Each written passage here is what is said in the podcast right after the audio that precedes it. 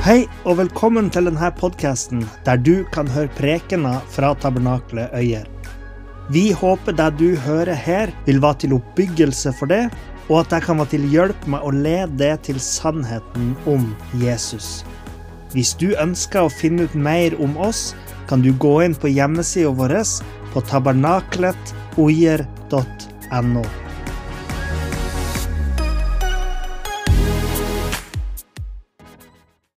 fint å se dere alle sammen.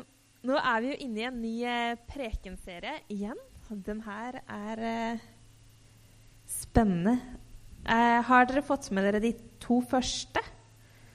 De ligger jo på eh, de fleste medium nå ute. Også hvis man ikke er her, sånn som jeg f.eks. ikke var første gangen. Og forrige gang så var jeg på Enter.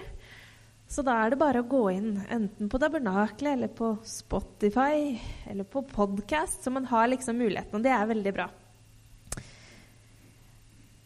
Er det noen som har lest teksten til i dag på leseplan? Noen? Det er bra. Da kan jeg stille et spørsmål sånn at alle kan få reise hånda neste gang. Er det noen som har tenkt å høre dagens preken? Og det var flere! Det var bra. Den leseplanen som Niklas har laga til den serien her, vil jeg virkelig anbefale dere. Det er ikke så veldig mye hver gang, men det er noen kapitler.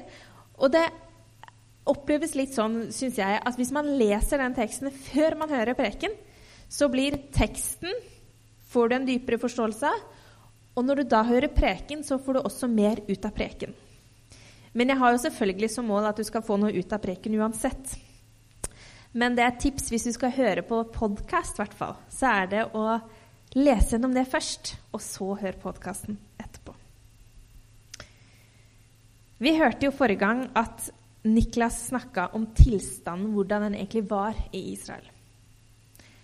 At den var egentlig ikke så veldig god og frakk.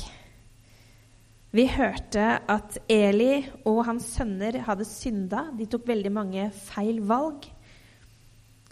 Vi fikk også høre det at Samuel fikk høre fra Gud at Gud åpenbarte seg for Samuel, og at Samuel fikk en profeti. Og så fikk vi også høre at det var en gudsmann som kom til Eli og fortalte han noe fra Gud om at hans sønner skulle dø, og at det var en profeti over han, hele hans hus som skulle komme. Dagens tekst er fra 1. Samuel 4, 2-7, 11. Og så tar jeg med i hvert fall vers 12. Det var Niklas helt enig i når han leste en gang til. Og dagens overskrift, eller eh, tema, er 'Gud i eske'. Og jeg synes den, den eh, overskriften minner meg litt om en sånn spenningsfilm, nesten. eller sånn, Det er noe spennende med den. For det er liksom Pandoras eske, og så er det troll i eske, og ånd i flasken. og liksom mye sånt som er inni noe. Da er det litt spennende. Så jeg følte litt sånn at Gud i eske var litt sånn Det er jo Niklas som har satt overskriftene, men jeg syns det var en litt stilig, litt sånn spennende tittel, egentlig. Og egentlig så syns jeg den absolutt er treffende til teksten. For det, historien i Samuel er en voldsom historiebok. Det er mye som skjer som er ganske så spennende. Spesielt hvis man leser det litt sånn i ett og følger historien. Så da setter vi i gang. Og første punktet mitt det er Gud er ikke et verktøy. Det kommer til å bli litt lesing, og det er fordi at det her er en veldig flott historie, så selve historien syns jeg er viktig å få fram også. Flott og flott. Den er kanskje ikke sånn, men den er viktig, er den. Jeg leser fra 2. Samuel 4,2. Israelittene dro nå ut for å kjempe mot filisterne. De slo leir ved Ebenezer, mens filisterne slo leir ved Afek. Filisterne samlet hæren sin mot israelittene, og kampen bredte seg. Israel ble slått av filisterne, som slo ned omkring 4000 mann på slagmarken. Da kom folket tilbake til leiren, sa de eldste i Israel. Hvorfor lot Herren oss lide nederlag mot filisterne i dag? Jeg ser det litt for meg, for det er jo litt sånn Hæ? Hvorfor lot egentlig Gud det her skje? Det var nesten som en overraskelse, for jeg tror de nesten tok, tok det som en selvfølge at, at, de skulle vinne. Fordi de hadde Gud på laget, så skulle vel ikke de tape? Så de kom tilbake og sa Hæ, hvorfor har vi litt tap i dag? Og så kommer det som er litt av dagens poeng. Fordi det er løsningen her som på en måte blir problemet. Og det er jo egentlig bare en løsning som viser noe mer dyptliggende. Løsningen på det problemet at de tapte, var som følger, og det ser vi fra vers 3. La oss hente Herrens paktkiste i Kilo, så han kan komme hit og være blant oss og redde oss fra fiendene våre. Så sendte folket bud til Kilo, og de hentet paktkisten som tilhører Herren over herskarene, han som trover, troner over kjerubene. Og Elis to sønner, Hofni og Pinas, fulgte Guds paktkiste. Ah, selvfølgelig! Paktkisten er i Kilo. Vi er her. Derfor tapte vi. Så det de gjør da, det er at de drar og henter den fysiske tingen. De drar og henter den for å ha den med seg ut i kampen, for da vil selvfølgelig problemet være løst. Da vil Gud være med, tenkte de, så lenge vi har den. For Gud følger paktkista. Da Herrens paktkiste kom til leiren, satte hele Israel i et jubelrop så sterkt at jorden skalv. Filisterne hørte lyden av ropet og sa, 'Hvorfor er det slike høye jubelrop i hebreernes leir?' De fikk vite at Herrens paktkiste var kommet dit. Da ble de redde, for de tenkte, 'Det er kommet en gud til leiren.' Og de sa, 'Ved oss! Slik har aldri hendt før. Ved oss! Hvem skal berge oss fra disse mektige gudene?' Dette er jo de gudene som slo egypterne med all slags plager i ørkenen. Men fatt mot, filistere, og vis dere som menn, så dere ikke ender opp som slaver for hebreerne, slik de har vært slaver for dere. Mann dere opp og gå til kamp. Så gikk filisterne til angrep. Når paktkista kom inn i leiren, så kom kamplysten tilbake igjen i israelittene. Da tenkte de at nå har vi fått det vi trenger. Virkelig jubelrop, og kamplysten steig. Det blei en mye bedre stemning. For nå var paktkista endelig ankommet. Ergo da altså Gud har kommet, og da skal det gå fint. Og Filisterne hørte jo det også, så de ble jo dritredde. For, for Gud, prinsippet hadde jo de også selvfølgelig hørt om. Det var Gud som sendte plagen over Egypt, og det ville de ikke ha noe av. Det var Gud som redda dem ut fra Egypt. Det ville de heller ikke ha noe med å gjøre. egentlig. De ville jo selvfølgelig ikke blande seg inn i det. Så de kjente jo virkelig på en frykt. Hvem skal berge oss nå? De så jo nesten at kampen var tapt før de i det hele tatt hadde møtt opp til kampen. Fordi nå var, var selveste paktkista kommet. Men så ser vi videre. I vers 10.: Israelittene ble slått og flyktet hver til sitt. Nederlaget ble meget stort. 30 000 fotfolk fra Israels hær falt. Guds paktkiste ble tatt, og Elis to sønner, Hofni og Pinas, mista livet. Jeg vil nesten tro at både israelittene og filisterne var veldig overraska, begge parter. Filisterne trodde jo at de hadde tapt før de hadde starta, kun fordi paktkista var der. Og israelittene regna jo med at seieren var i boks, kun fordi paktkista var der. Men så ender det ikke sånn. Israelittene taper så det ljomer. 30 000 dør. Det er ganske så mange, vi som bor i ei lita bygd. Vi er ikke 30 000 her i bygda vår. Det er mange. Det er et stort tap.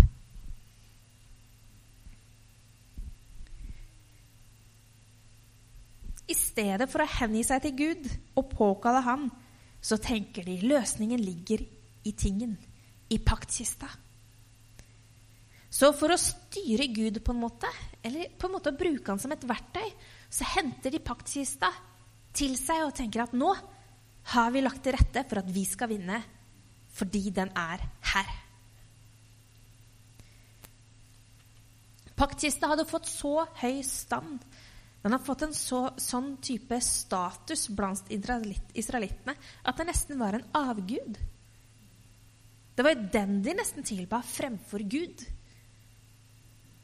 Og ja, paktkista var jo hellig, og den hadde jo sin verdi, men den var jo ikke Gud. Det var ikke den som skulle styre Gud. Det er ikke paktkista som skulle styre Gud, Guds vilje og Guds handlinger. Israelittene hadde jo levd et syndfullt liv lenge. Det har vi sett i de forrige kapitlene.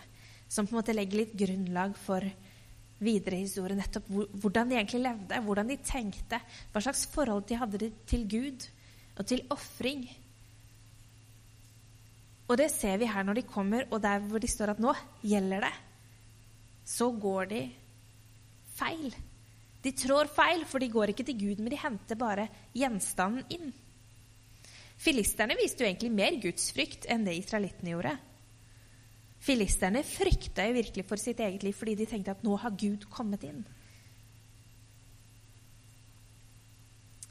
Noe annet som skjer her, er jo det at Elis to sønner, Hofni og Pinas, dør. Det var jo sånn som Gud hadde sagt i 2.34.: Det som rammer dine to sønner, Hofni og Pinas, skal du ha som tegn. De skal begge dø på samme dag. De, jo, e, de, var jo egentlig ikke ute i den kampen i utgangspunktet. De ble jo med paktkista når den ble frakta ut. Gud ville heller at israelittene skulle tape noe så veldig. Ja, både liv og ansikt og alt. Gud ville heller at paktkista skulle havne hos filisterne, enn at israelittene selv skulle tro at det var de som kontrollerte og styrte Gud. For sett det at det var det som skjedde, at så lenge de tok med paktkista, så snudde hele gamet seg. Fra at de dagen før hadde tapt, til at de da plutselig vant. Da ville de jo nettopp bare styrke den tanken om at det er paktkista. Det er paktkista som gjelder. Det er der vår på en måte frelse er. Det er den som kan gi oss det vi trenger. I de her kapitlene kan vi også lese om at Eli dør. Han var gammel og tung, står det. Det er ikke veldig mange som har omtalt kroppslig hvilken fasong de har. Men Eli var tung. For han hadde spist mye, står det. Fordi han hadde rett og slett tatt mye mer enn det han egentlig var berettiga til. Det var også en synd, fordi han hadde fått, det var klare det sa Niklas nå om, det var klare retningslinjer for hva han skulle få spise som en ypperste prest og som en prest. Men han tok til seg litt mer, og det syntes på kroppen.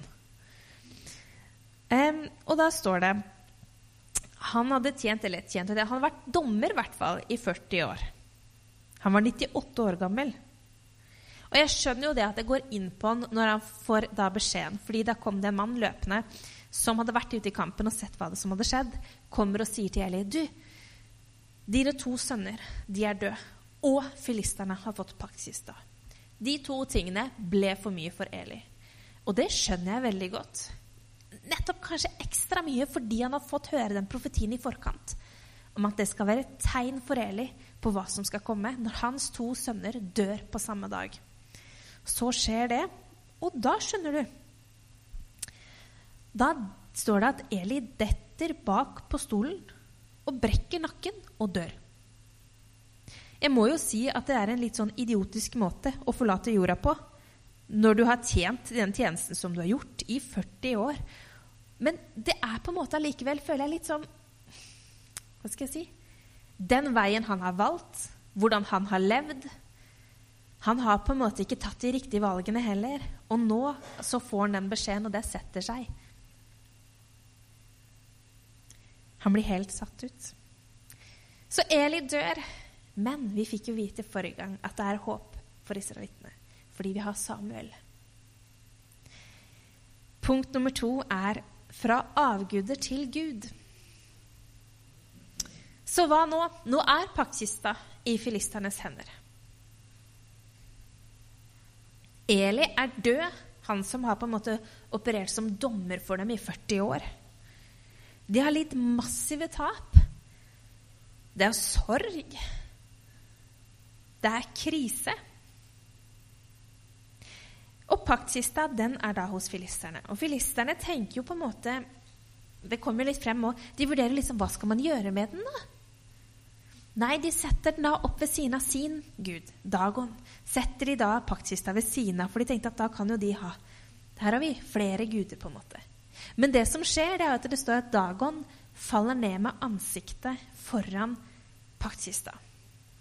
Så setter filisterne den opp igjen, men dagen etterpå så kommer de inn igjen og ser at igjen så har den figuren, den Dagon, falt ned med ansiktet ned mot, eh, foran paktkista. Men da er både hode og hender hogget av og ligger på dørterskelen.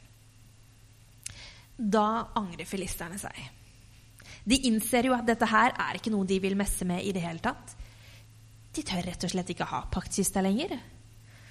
Når de ser hva, som, hva, hva, den faktisk representerer, hvilken gud de har å gjøre med. Så de vil da sende den tilbake igjen. Og Hvis dere vil lese om hvordan de gjør det, noe jeg syns er ganske fascinerende og detaljrikt, hvordan de velger å sende den tilbake igjen til israelittene For hvordan skal de gjøre det? De har akkurat slåss med det, men de må, de må få den bort. De vil ikke ha den mer. Så les kapittel 5. Gjør det. Men nå har faktisk endelig kommet tilbake til israelittene. Den har vært borte lenge. Og da ser vi i kapittel 7,2 Fra den dag paktkisten kom til Kirat Jearim, gikk det lang tid. Det gikk 20 år.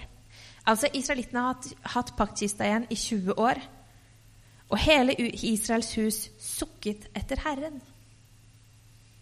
Så nå var jo paktkista der. Og etter, etter, den mentaliteten som de hadde før det slaget de tapte, så skulle man tro at nå var alt bra igjen. Men selv om de har fått tilbake paktkista, så ser de at det står 'de sukket til Herren'. Det vil si at det har kanskje skjedd en endring. De har kanskje innsett noe hvilken betydning den paktkisten egentlig var ment å ha, og hva de mangler.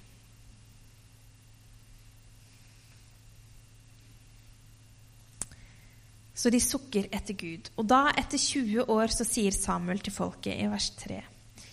Da sa Samuel til hele Israels hus.: Vender dere om til Herren av et helt hjerte. Må dere få bort de fremmede gudene av startebildene som er hos dere, og av startebildene som er hos dere. Vend hjertet til Herren og tjen ham og ingen annen. Så skal han fri dere fra filisternes hånd. For de hadde ikke fått ut alt rusket av huset sine. De hadde ikke fjerna alle bildene og avgudene. De hadde fortsatt også mye synd og rusk i hjertene sine. Så selv om de sukker til Gud, så er det nettopp det at det er noe som blokkerer for dem. De har flere avguder, de har flere guder som de tilber. Så da sier Samuel da etter 20 år så sier han, nå er det på tide at vi gjør rent hus. Vi må få det ut, det som ikke har noe her å gjøre. Og så skal dere vende dere til Gud med et helt hjerte. Og det er kun ham alene vi skal tilbe. Så sa Samuel da videre i vers 5.: Kall sammen hele Israel i, Is i Mispal, så vil jeg be til Herren for dere. Da samlet de seg i Mispa, og de øste opp vann, helte det ut for Herrens ansikt. Den dagen fastet de og sa, Vi har syndet mot Herren. Siden skiftet Samuel rett mellom israelittene i Mispa. Jeg kommer litt tilbake til det etterpå, men nå, nå blir det igjen litt spenning. For nå har det på en måte egentlig vært tilsynelatende rolig en periode. For da filisterne hørte det at Israel var samla ett sted, så var jo det en gyllen mulighet for dem igjen å slå til. Så da ser vi at de samler lederne sine, og så reiser de opp for å slåss. Og så står det Da israelittene hørte det, ble de redde for filisterne. Og det skjønner jeg. Og det også føles på en måte litt sånn at forrige gang de sloss med dem, så hadde de jo ikke helt den innstillingen. Første gangen når de tapte, så var det sånn Hæ? Hva skjedde nå? Lot Gud oss tape. Men nå når de igjen skal kjempe mot dem, så sier de vi er redde for filisterne. De fryktet filisterne. Og så sier de til Samuel og sa til Samuel, hold ikke opp med å rope til Herren, vår Gud, for oss, så han kan berge oss for, fra filisternes hånd. De løp ikke til paktkista denne gangen her. De hadde kanskje lært noe. De drassa den ikke med seg ut i kampen for å bli frelst og for å vinne. De innså nettopp det at det som kan redde oss fra dette, er Gud og Gud alene. Samuel, rop til Gud for oss. Ofre for oss. Legg oss framfor Gud, sånn at vi kan vinne.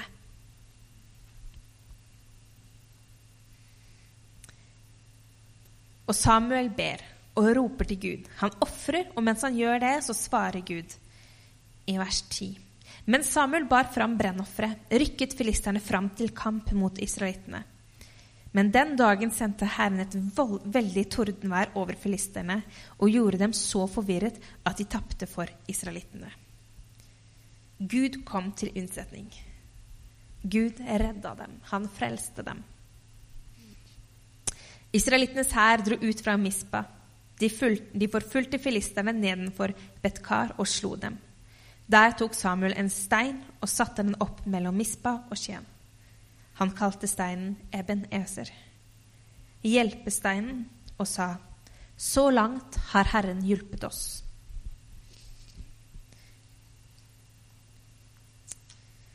Siste punkt er hjelpesteinen. Det er jo litt av en reise man kan lese om i de kapitlene her. Og det er veldig mange stilige detaljer som man kan legge merke til når man leser historien. Jeg syns at dagens avslutning, det med hjelpesteinen Ebenezer, er veldig sterk. Så langt har Herren hjulpet oss. Fordi de kunne valgt å se Herren har hjulpet oss noe, men innimellom så har han ikke vært der. Men de innser at det er ikke sånn det har vært. Så langt har Gud hjulpet oss. Det er en fortelling. Det har jo skjedd. Og det var jo en tid hvor alt var annerledes enn det det er for oss i dag. Vi lever jo et ganske så annerledes liv. Vi har ikke noen paktkiste å forholde oss til. Det er ikke fryktelig mye kamper mellom Øyer og Tretten, eller i hvert fall ikke ordentlig. Eller noen andre. Vi har ikke den type levemåte. Vi har ikke de samme fryktene. Men allikevel så tror jeg at det er en del her vi kan lære noe av hvis vi velger å se det og lære noe av det. Fordi sånne historier kan man velge tror jeg, å lese som en historisk fortelling og si at dette har skjedd. Kjempeinteressant. Eller så kan man lese og se hva var det Gud forteller meg her? Hva er det Gud forteller meg gjennom denne historien her?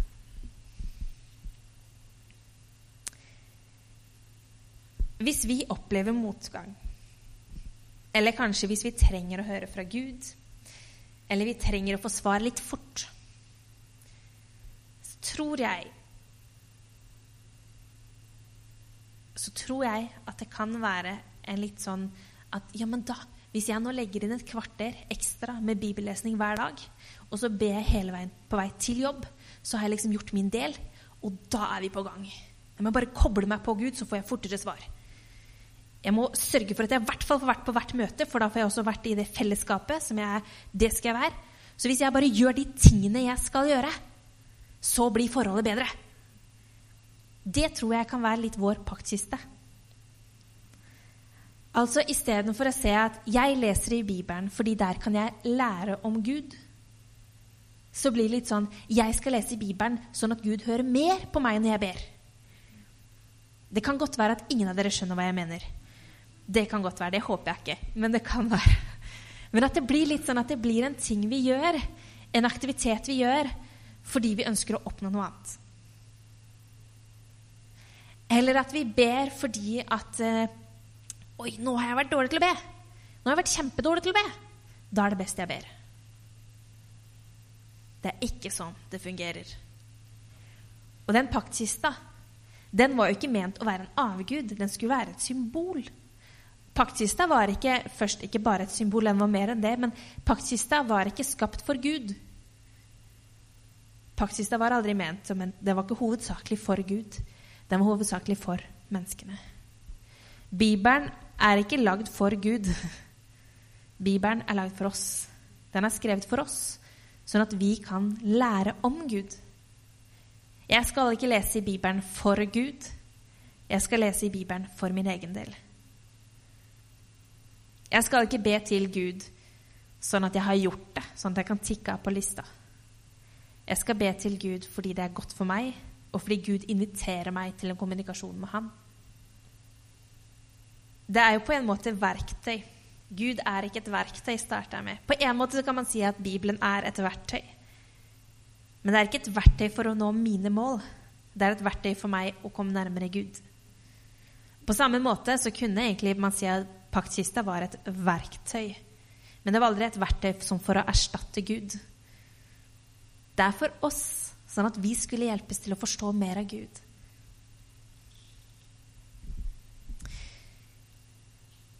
Og avguder, det føler jeg at kanskje jeg har litt snakka om før. Det at vi fort kan gi andre ting større plass i livet vårt enn det de egentlig fortjener. For mange av oss har busy, busy liv. Det er mye som skjer. Det er mange ting vi skal skvise inn.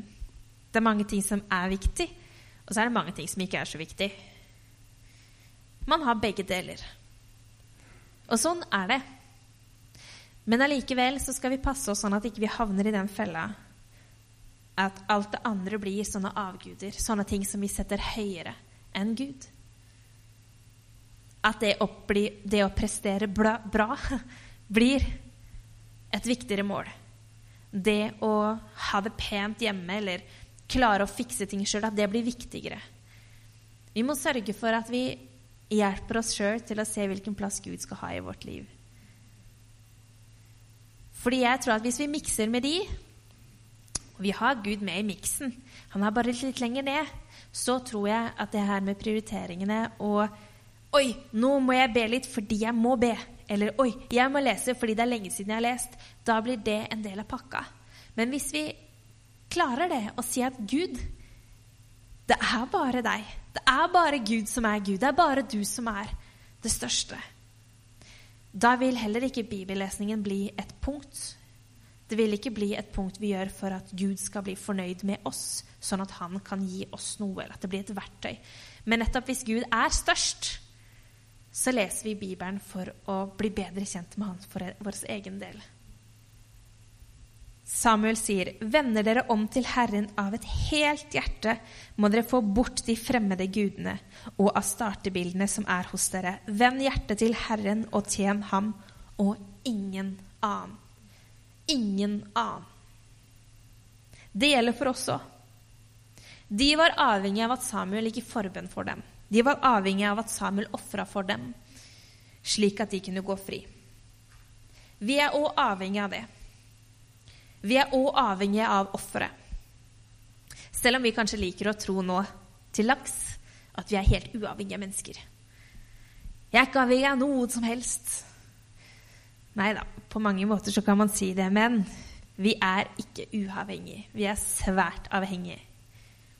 Vi er avhengige av det offeret. Sånn som de var, så er vi også det. Romerne 3,21 men nå er Guds rettferdighet, som loven og profetene vitner om, blitt åpenbart uavhengig av loven. Dette er Guds rettferdighet som gis ved, Jesu, ved troen på Jesu Kristus til alle som tror. Her er det ingen forskjell. For alle har syndet og mangler Guds herlighet. Men ufortjent og av Hans nåde blir de kjent rettferdige, frikjøpt i Jesus Kristus. Så vi har fått det Jesus. Men det vil ikke si at vi ikke trenger det.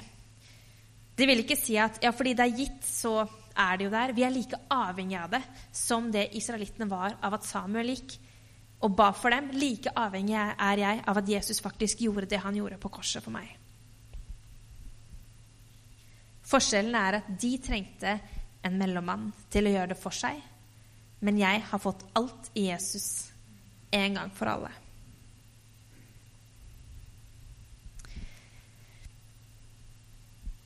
Det offeret, det er gitt for oss. Men vi må ikke la det ta det helt for gitt. At ja, det, er, det, er, gjort, og det er gitt, og det er skjedd. Sånn. Men vi må faktisk ta det inn over oss. Og sørge for at ikke alle andre ting kommer i veien for livet vårt med Gud. La oss komme til den erkjennelsen som israelittene kom til hvor det sto at 'vi har syndet', 'vi trenger nåden'.